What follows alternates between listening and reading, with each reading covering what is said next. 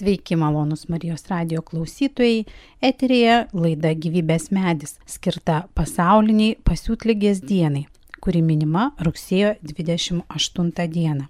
Šiandien laidoje kalbės virusologas, infektologė ir kunigas biblistas, o visus juos kalbinu aš, Svetlana Adler Mikulieninė. Pradedame laidą, kurioje dalyvauja Lietuvos sveikatos mokslo universiteto, veterinarijos akademijos, mikrobiologijos ir virusologijos instituto mokslo darbuotojas Dainius Zienius.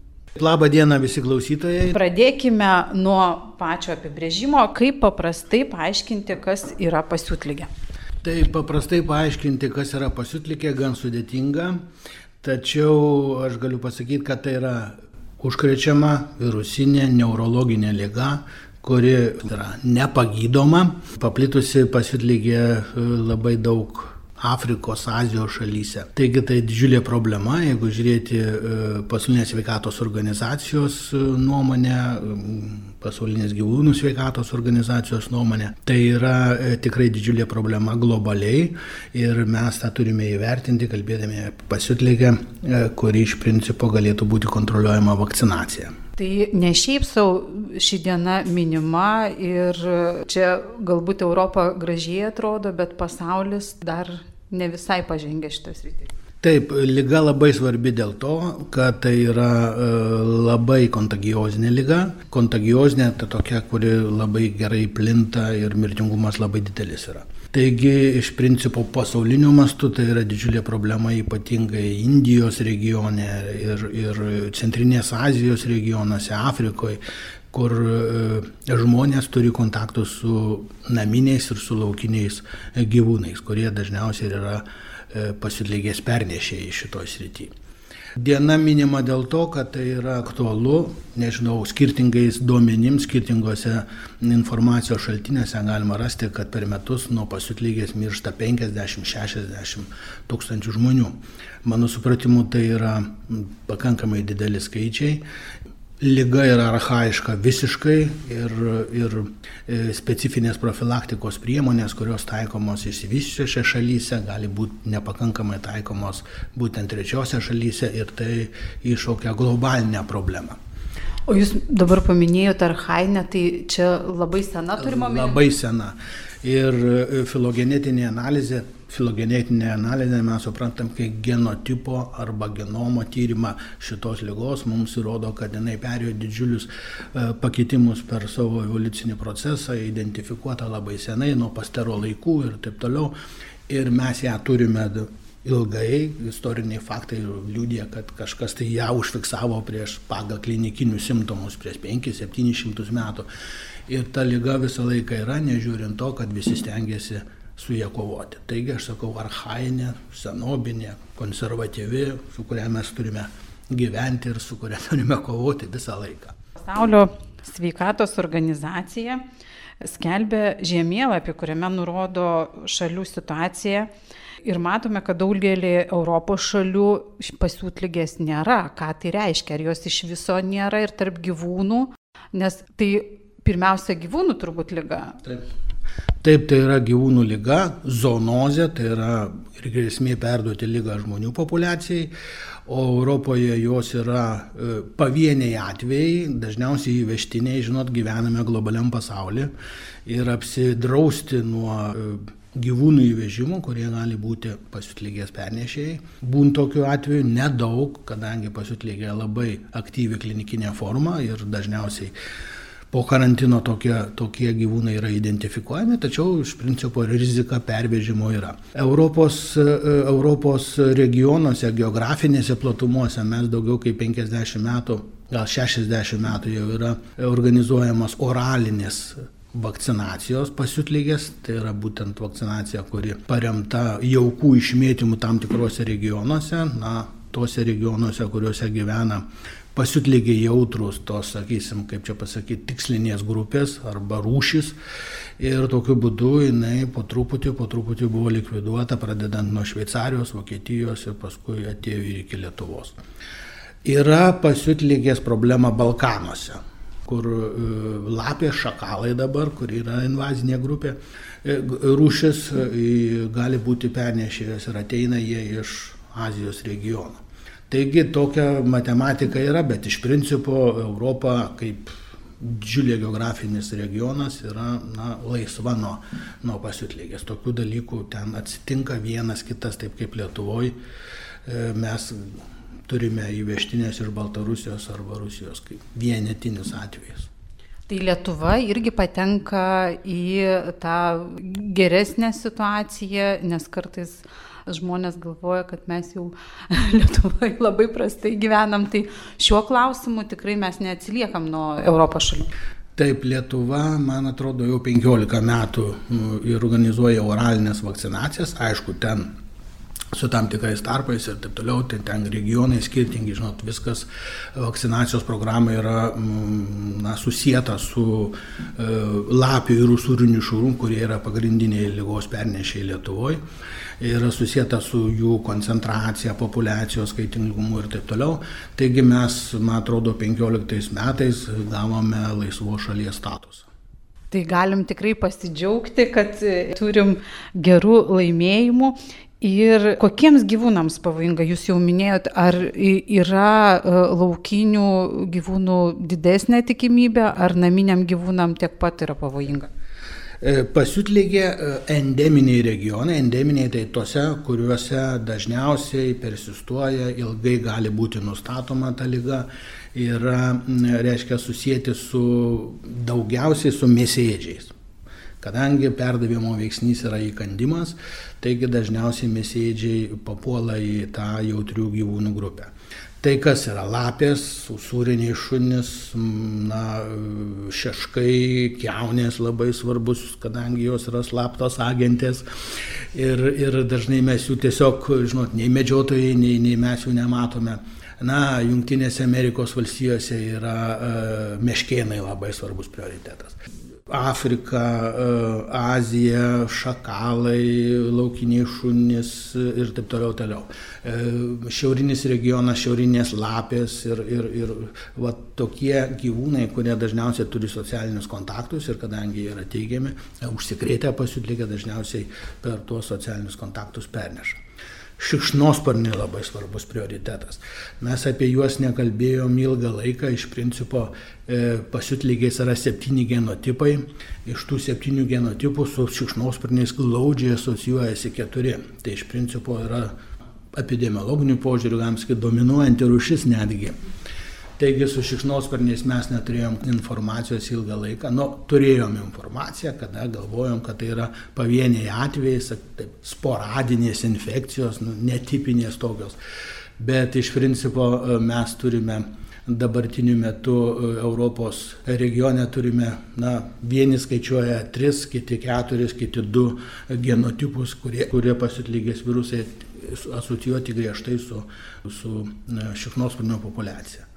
Nesu aš e, šikšnosparnų biologas ar ekologas, tai yra eptezikus serotinus ir miotis daubentonį dažniausiai tokie, kas susidūrė ir žino, e, tai tų šikšnosparnių populiacija ir Lietuvoje yra pakankamai didelė. Taigi rizikos faktorius yra didelis. Šikšnosparniai, tai jeigu patvirtins, kad COVID iš šikšnosparnių, tai čia turbūt nieko naujo, ne jeigu sakot, kad sena lyga, nes kai kuriems žmonėms labai keista, kad iš gyvūnų lyga pereina žmogui. Ar yra daugiau tokių lygų? Tai be abejo yra ir tas mūsų, kaip sakant, tas nemalonusis COVID yra taip, jeigu pažiūrėsite aplamai koronavirusų filogenetinę bazę, matysim, kad šikšnosparniai dalyvauja keturiuose iš penkių genotipų arba alfa, beta, gamma. E, taigi tai yra aktyvūs pernešėjai, bet tai nereiškia, kad mes nuo šikšnosparnių turime užsikrėsti visomis jų pernešamos arba, arba e, lygomis. Tai yra visiškai netiesa. Apie pasiutlygę mes vertiname riziką dažniausiai susijusią su lapėmis, su sūriniais šunims, vilkais gali būti, bet vilkų pasiutlygės turime labai mažai, e, e, mažai epidemiologinių duomenų, dėl to, kad vilkai gyvena, žinote, šeimom, o lapės dažniausiai būna didelė populiacija. Taigi e, su šikšnosparniais galim būti, nu, santykinai ramus, kadangi kontaktų mes kaip žmonės su šikšnosparniais turim mažai. Žymiai dažniau mes turime kontaktą su šunim, kuris laksydamas po mišką gali turėti kontaktą su, su lape ar kokiu barsuku, kuris kietas yra ir gali pats užpulti šunį, ar ne. Taigi e, šitas yra prioritetas. Junktinėse Amerikos valstijose šikštmortinių pasiutlygiai yra labai didelė problema, kadangi jie turi, na, kaip čia pasakyti, tokią e, naminę šikšnosparnių populiaciją. E, naminė dėl to, kad šikšposparniai gyvena palėpėse ir taip toliau, taip toliau. Jų koncentracija yra labai didelė, ta prasme, kad e, dabartiniu tokiu straipsniu skaičiau, kad, kad e, dėl ko tų šikšnosparnių mes pritraukėme į savo gyvenamą arealą. Pirma, tai mytybinė bazė labai gera. Amerikiečiai daug išmeta maisto, dažniausiai tai vaisiaėdžiai šikšnosparniai, tų vaisių ten yra ir jie tada atskrenda naktį pasimaitinti ir taip toliau, taip toliau. Na, jie kaip atskrenda, tai paskui netoli ir prisikabina. Tai jie turi tokią problemą ir dabar straipsnių labai daug, kad ir tam įkando, ir tam įkando, tas nu, nuėjo į palėpę atsinešti kažką, pamatė, pačiupinėjo ar gyvas, nes jie kabo išsigandę labai tyliai ir ramiai, tai, tai va tokių atvejų būna. Lietuvoje e, mes turėjom turbūt per visą istoriją ar, ar 12 ar 11 mirties atvejų, žmonių mirties atvejų nuo pasiutlygės. Ir man atrodo, kad galbūt vienas atvejis buvo, e, buvo būtent susijęs su šikšnosparniu. Ne dėl to, kad pas juos nėra pasiutlygės, bet dėl to, kad kontaktai labai reti yra.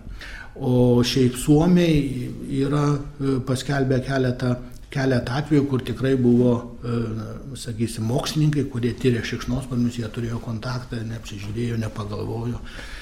Ir va tokiu letaliniu baigėsi e, tokie užsikrėtimai. Taigi tai yra rizikos faktorius, nereikia nieko liest, nereikia nieko mušt, žiūrėti ir kišti arti pirštą arba nosį. Nosį ypatingai. Tai sakot, kad valdoma skiepais Taip. gyvūnus ir tada, e, jeigu e, yra rizika, va, kaip jūs sakėt, e, moksliniais tyrimais ar veterinarijos gydytojus, tai e, juos skiepija prevenciškai nuo pasiūtlėgės. Taip, tos grupės, kurios turi potencialiai gali turėti kontaktą su infekuotu gyvūnu, tai yra nebūtinai veterinarijos gydytojai, galbūt žmonės, mokslininkai, kurie dirba gamtoje, tyrinėja, nežinau, bet ką, jūrų ruonius ar, ar, ar, ar nežinau, beltasias meškas, ar kas, kas galėtų turėti kontaktą, tada e, jiems neprivalomai, bet rekomenduotinai yra e, siūloma pasiskiepyti nuo pasiutlygės. Tuose regionuose, kur dirba ir žinom, kad pasiutlygė yra endeminė endeminis susirgymas. Veterinarijos gydytojai suprantama, mes visą laiką objektas mūsų yra šunis, katės, nežinomo statuso, nežinomos epidemiologinės istorijos gyvūnai, kurie be jokios abejonės gali būti infekuoti. Todėl logiška būtų apsidrausti ir pasiskiepyti. Tokie dalykai vyksta. O dabar dėl e, tos lygos jūs sakėt, kad jinai mirtina.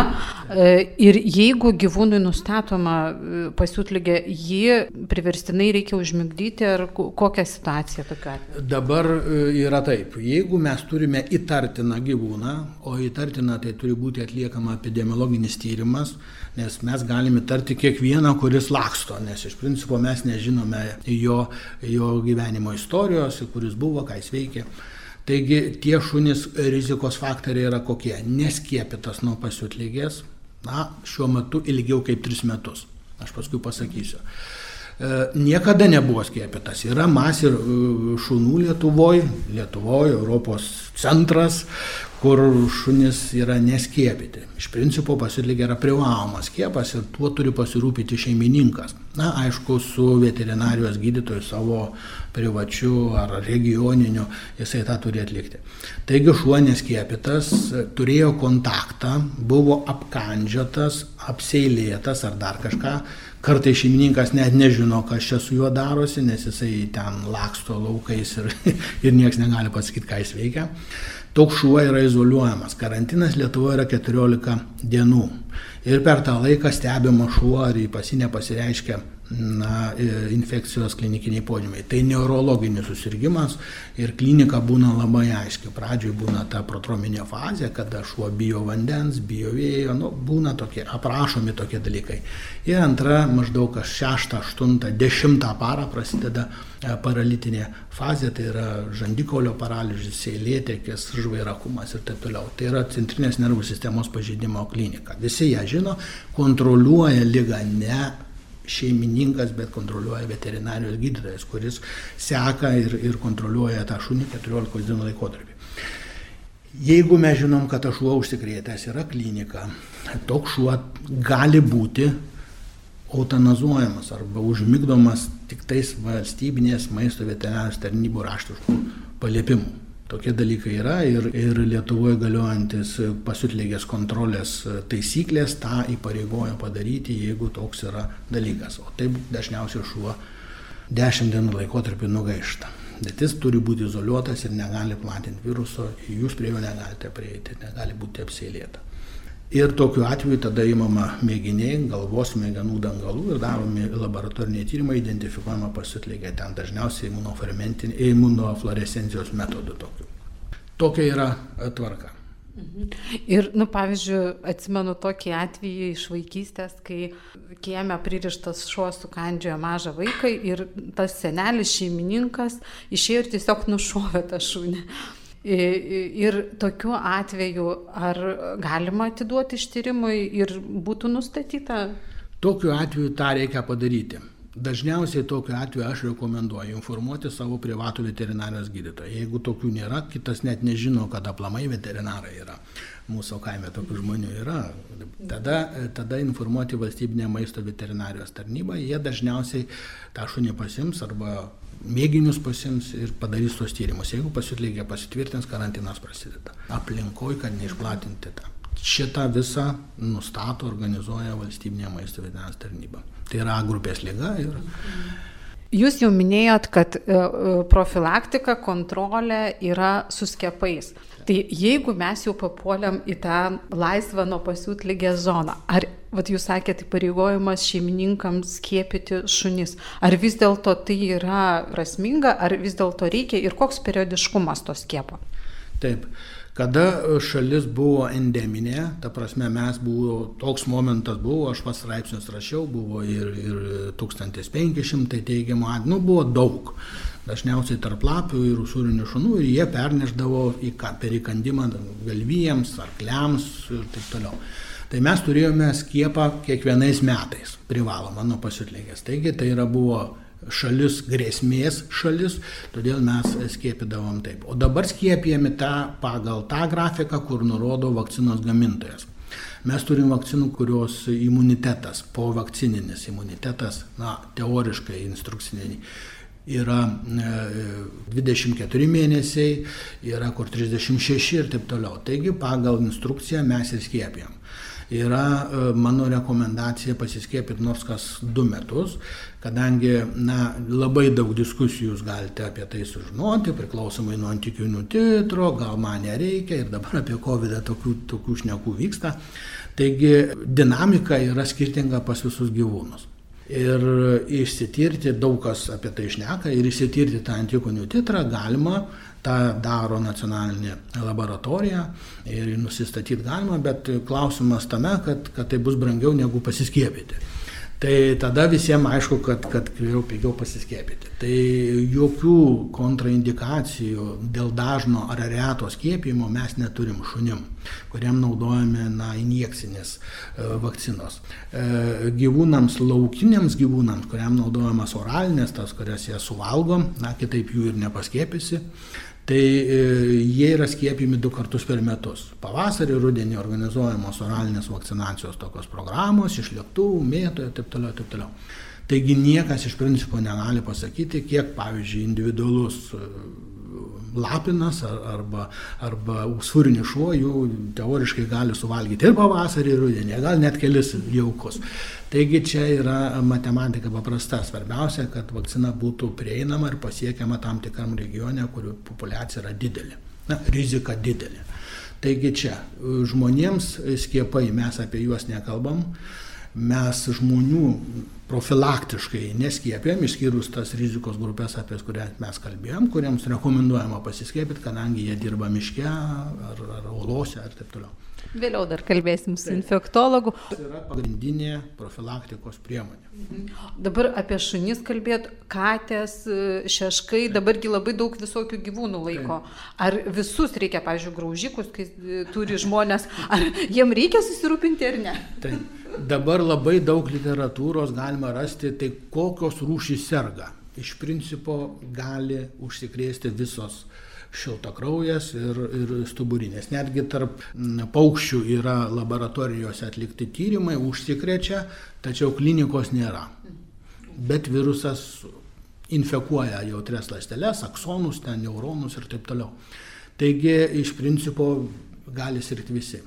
Dabar klausimas, e, e, kodėl mes turėtume skiepyti, nežinau, jūros keulytę, pavyzdžiui. Na, rizikos faktorius yra minimalus, jinai sėdi Čia niekas jokios lapės jos nekandžioja, jokie šunys pasiutę nekandžioja, taigi mes jų neskiepijam, tada e, e, skiepais yra reglamentuota šunys, katės ir šeškai.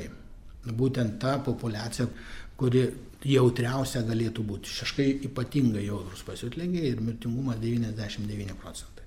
Dėkoju Jums už pokalbį. Pereikim prie žmonių ir toliau kalbinu Lietuvos sveikatos mokslo universiteto infekcinių lygų klinikos gydytoją, dėstytoją Julitą Pakalnienę. Labadiena. Ir girdėjom, kad pasiutlikė yra gyvūnų lyga, o kiek jinai pavojinga žmogui ir kokia situacija, kaip jisai gali užsikrėsti. Tai visų pirma, nenorėčiau sutikti, kad tai yra tik tai gyvūnų lyga nes e, pasiutlygę sukelia pasiutlygės virusas, kuris yra pavojingas tiek žmonėms, tiek gyvūnams ir pasiutlygė yra priskiriama zoonozių grupiai, o zoonozėmis yra vadinamos tos lygos, kurios tiesiogiai ar netiesiogiai gali būti perduotos e, iš gyvūnų žmonėms. Ir visi sausumo žinduoliai, tame tarpe ir žmogus, yra imlus pasiutlygės virusui. Tai reiškia, kad pasiutlygė yra ne tik tai gyvūnų, bet ir žmonių lyga. Ir pasiutlygė sergantis gyvūnai virusą išskiria su seilėmis, todėl dažniausiai užsikrečiama patekus to pasiutusio gyvūno seilių į žaizdą, įkandimo ar įdreskimo metu. E, retais atvejais pasiutlyga išsivysto e, pasiutlyga sergančiam gyvūnui aplaižius pažeistą odą ar nepažeistas gleivines. Taip pat yra aprašyti atvejai, E, kai pasiutligė užsikrečiama transplantavus pasiutligę sirgusio donoro organus. Dar vienas pakankamai retas e, užsikrėtimo būdas gali būti per orą arba kitaip tariant per aerozolius, lankantis e, olose, kur gyvena daug pasiutusių šikšnosparnių, na, arba dirbant laboratorijose su pasiutlygės virusu. O kokia statistika Lietuvoje? Ar mes turim, nes yra žemėlapiai ir apie gyvūnus girdėjom, kaip su žmonėmis? Tai Lietuvoje nuo 1962 metų iki dabar, tai yra beveik per šešis dešimtmečius, buvo užregistruota 11 žmonių pasiutlygės atvejų. Ir paskutinis atvejis buvo registruotas 2007 metais, tai buvo įvežtinis atvejis iš Indijos, kai 42 metų keliautojui įkando nežinoma šuo, jis laiku nesikreipė po ekspozicinės profilaktikos ir grįžęs į Lietuvą susirgo pasiutlygę ir mirė. Tai e, šiaip pagal statistiką, užkrečiamų lygų ir AIDS centro statistiką, kasmet į gydymo įstaigas kreipiasi, Lietuvoje e, kreipiasi daugiau negu 5000 žmonių. nukentėjusių nuo gyvūnų įkandimų. Ir dažniausiai žmonės nukančia nuo šunų, tai praktiškai 3 ketvirtadaliai besikreipusiųjų. Ir taip pat nuo kačių, tai maždaug penktadalis besikreipiančių. Daugiau kaip pusiai tų žmonių, kurie kreipiasi, yra paskiriama pasiutlygės poekspozicinė profilaktika, tai yra vakcinacija. Tai nors pastaraisiais metais e, tiek gyvūnų pasiutlygės atveju praktiškai Lietuvoje neberegistruojama eilę metų, tačiau ši infekcija išlieka aktuali, kadangi gyvūnų pasiutlygės atveju vis dar nustatoma mūsų kaimininėse šalyse, tai Lenkijoje, Baltarusijoje, Rusijoje, na ir Ukrainoje. Minėjote keliautoją, tai klausimas tada ir apie gydimą. Tai kiek supratau, žmogus mirė, ar mirė dėl to, kad laiku nebuvo suteikta pagalba, ar tiesiog, kad jau, jeigu jau yra simptomai, neįmanoma pagydyti. Tai vad gydimas ir, ir ar įmanoma pasveikti nuo pasiutlygę žmogų. Tai e, iki šiol nėra veiksmingo pasiutlygės gydimo ir pasireiškus pasiutlygės klinikiniams simptomams, e, lyga dažniausiai dėja baigėsi mirtimi.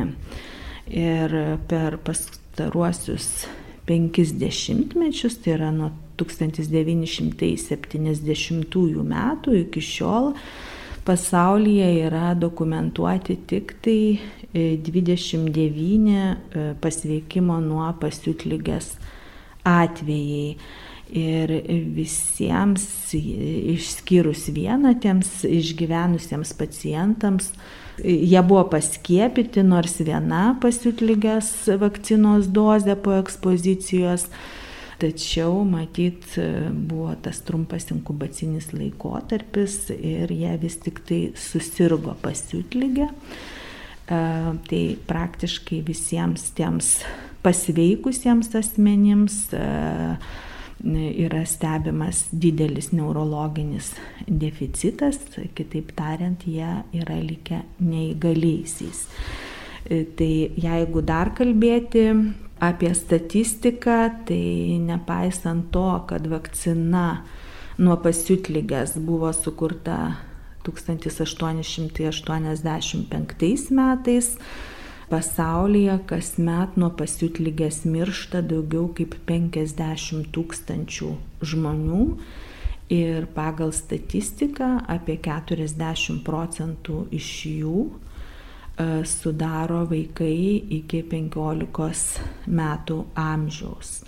Ir pastaruoju metu praktiškai 95 procentai visų pasaulio žmonių e, pasiutlygės atveju yra užregistruojami Azijos ir Afrikos žemynuose. Todėl e, labai svarbu e, vykstant ilgesniam laikui į tas teritorijas, kur yra paplitusi pasiutlygė, e, tiesiog keliautojai turėtų pasiskiepyti nuo pasiutlygės, e, kad išvengtų nemalonumų kelionėje ar grįžus iš jos. Tai vienintelė profilaktikos priemonė yra nekontaktuoti geriausiu atveju, bet jeigu yra kažkokie kontaktai, tai yra skiepas. Tai ar yra kažkokių sričių, va jūs sakėt, keliautojai, ar dar kažką profilaktiškai skiepijam ar ne? pasiutlygės vakcina. Taip, tai e, skiepai yra vartojami ne tik tai pasiutlygės, tai vadinamai po ekspoziciniai, po kontaktiniai profilaktikai, e, bet jie naudojami yra ir rizikos grupių vakcinacijai. Tai e, ta rizika gali būti susijusi su profesija, tai rizikos grupėms čia būtų priskiriami veterinarai ar pasiutlygės laboratorijose ar vakcinų gamybos įmonėse dirbantis asmenys, taip pat gyvūnų prieglaudų prižiūrėtojai na, miškininkai, medžiotojai, dresuotojai, kariškiai, e, speleologai tyrinėjantis urvus, kur gali būti e, šikšnosparnių sankaupos, tiesiog jų, jų gyvenamoji vieta tuose olose. Na ir, kaip jau ir minėjau, keliautojams, žodžiu, rekomenduojama pasiskiepyti, jeigu vyksta ilgesniai negu vieno mėnesio kelioniai į tas teritorijas, kur pasiutlygės paplitimas yra didelis. Tai prieš ekspoziciniai profilaktikai yra rekomenduojamos trys vakcinos dozės. Profilaktinės trys, o jau po įkandimo tai e, nustato gydytojai ar e, yra kažkokie? Taip, tai e, ta po ekspozicinės profilaktikos apimtis yra nustatoma atsižvelgiant į visas tas apkandžiojimo aplinkybės, į ankstesnę, tą, sakykime, nukentėjusio žmogaus imunizacijos anamnezę, taip pat pasiutlygės paplitimą toj teritorijoje, kuri vyko ta ekspozicija. Ir Lietuvoje dažniausiai yra naudojama taip vadinama eseno schema, tai ją sudaro penkios pasiutlygės vakcinos dozės. Tai pirmoji dažniausiai skiepijama E, tą kreipimosi arba kitaip vadinamą tą nulinę dieną ir vėliau 3, 7, 14 ir 28 dieną po įkandimo. Ir e, jeigu sužalojas šuo ar katė buvo sugauti, ar tarkim juos galima stebėti 10-14 dienų, ir, ir per tą stebėjimo laikotarpį jie išlieka sveiki, žodžiu, ir išgyvena, tai tiesiog po trijų vakcinos dozių tą žmogaus vakcinaciją galima nutraukti. Nes vadinasi, tas apkandžiojas gyvūnas buvo nepasiutęs, nes užsikrėtę pasiutlygę gyvūnai e, visada per tą laik, stebėjimo laikotarpį numiršta. Kita vertus, jeigu anksčiau prieš pasiutlygę neskiepytas asmuo patyrė didelės rizikos sąlytį su įtariamu ar e, nustatytų pasiutusių laukinių ar naminių gyvūnų, arba su gyvūnu, kuris negali būti stebimas, jam be vakcinos būtina skirti pasiutlygės imunoglobuliną ir sušvirkštus imunoglobuliną virusai yra neutralizuojami nedelsiant, e, kol susidaro apsauginiai antikūniai po vakcinacijos. Tai e, o įskiepyta pasiutlygės vakcina maždaug sukelia e, apsaugą maždaug per 7 ar per 10 dienų, žodžiu, po vakcinacijos. Dar norėjau pasakyti, kad kadangi pasiutlygė yra mirtina lyga, tai e, kontraindikacijų vakcinacijai e, taikant pasiutlygės, tą poekspozicinę profilaktiką nėra. Ir vakcinos prieš pasiutlygę ir pasiutlygės imunoglobulinas yra saugus ir efektyvūs E, tiek neščiosioms, tiek maitinančioms motinoms, e, na ir živ infekuotiems asmenims, taip pat kitiems e, sutrikusį imunitetą turintiems asmenims, na, vaikams ir, ir kūdikiams. Ačiū Jums už pokalbį ir tikėkime, kad Lietuvoje daugiau nepasitaikys šitos lygos. Tai toliau apie pasiūtlygę kalbinu kunigą, biblistą, antikinės literatūros žinovą, kunigą Lina Šipavičių. Tai girdėjom iš virusologo, kad tai yra labai sena, arhainė lyga. Tai ką galite pasakyti, ar Biblijoje ir antikinės raštuose randam ką nors apie ją? Šiaip tiesiogiai tik tai mes sutinkame lautiniškose tekstuose. Daiktavardis rabijas e, apibrėžia kaip, kaip pasiutlygė ir jinai yra naprašoma, kuri pasireiškia gyvuliams, tai reiškia arkliams ir šunims. E, ir autoriai yra Lucijus Junijus Moderatus Kolumelė, kuris gyveno apie pirmajame amžiuje po Kristaus ir aišku Gajus Plinijus e, Cecilijus Sekundus Minor, kuris gyveno 62-113 metais. Taigi pirmo amžiaus autoriai, kurie rašė lotynų kalba tekstus, jie apie tai kalba. E, ir iš tų tekstų mes galėtume suprasti, kad e, jeigu jie pirmame amžiuje jau kalbėjo apie šitą lygą, vadinasi, ta lyga jau buvo žinoma ir anksčiau. Tik tai, na, gal trūkumas e, literatūros, trūkumas laiko, trūkumas dar tam tikrų įrankių prieiti prie graikiškų tekstų arba prie biblinio hebrajų kalbos teksto, bet kartais būna taip, kad e, kada lyga dar nėra identifikuota arba, sakykime, tautos yra mažiau pažengusios e, medicinėje srityje arba kalbinėje srityje, tai būna dažnai tie reiškiniai arba konkrečiai tos lygos aprašomos tokia aprašomąją kalba, kaip pavyzdys tenai, kokie reiškiniai vat, pasireiškia e, vienoje arba kitoje to gyvenimišką situaciją mes turime čia pranašą Zacharyją 12 skyrius 4 eilutė, kur mes galėtume ten įvardinti kaip tą pasiutimo aspektą. Štai Zacharijas 12 skyrius 4 eilutė. Ta diena, tai viešpatė žodis, ištiksiu visus žirgus siaubu. Arba, na, kaip sakoma, jie gaustą pasiutlygę ar ne, arba pasius o raiteliai eis iš proto, o nuo judo namų nenuleis jokių apakinės visų tautų žirgus.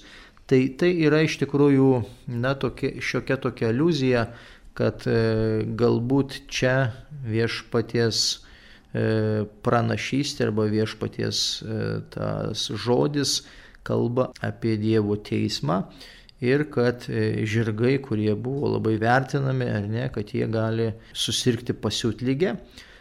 Tačiau tai yra hebrajų kalbos tokia aprašomoji kalba ir mums sunku identifikuoti, kad tai yra na, lygos apibrėžimas. Bet jau kitose vietose štai kiti autoriai, e, būtent e, Romos imperijos, ypatingai Plinijus, jau jisai kalba apie tuos gyvulius, tai yra šunis, apie pasiutęs vilkas, kuris yra laukinis šuo ir taip pat kalbama apie tuos pasiutusius arklius. Mm, iš tikrųjų tai gan įdomus tas terminas, įdomus apibrėžimas, reiktų gal daugiau laiko pasigilinti, galbūt ir surastume kokiame graikiškame tekste antikinės literatūros, klasikinės literatūros, bet šiai dienai mes turime tokią informaciją. Ačiū Jums už komentarą ir tarėme su Dievu. Su Dievu. Dėkoju Jums malonus Marijos radio klausytojai uždėmesi. Atsisveikinu su jumis iki kitų kartų. Laidoje šiandien kalbinau Lietuvos sveikatos mokslo universiteto veterinarijos akademijos mikrobiologijos ir virsologijos instituto mokslo darbuotoją Dainių Zeinių. Lietuvos sveikatos mokslo universiteto infekcinių lygų klinikos gydytoja dėstytoja Jolita Pakalnienė ir biblistą kunigą Lina Šipavedžių o juos visus kalbinau aš, Svetlana Adler Mikulieninė.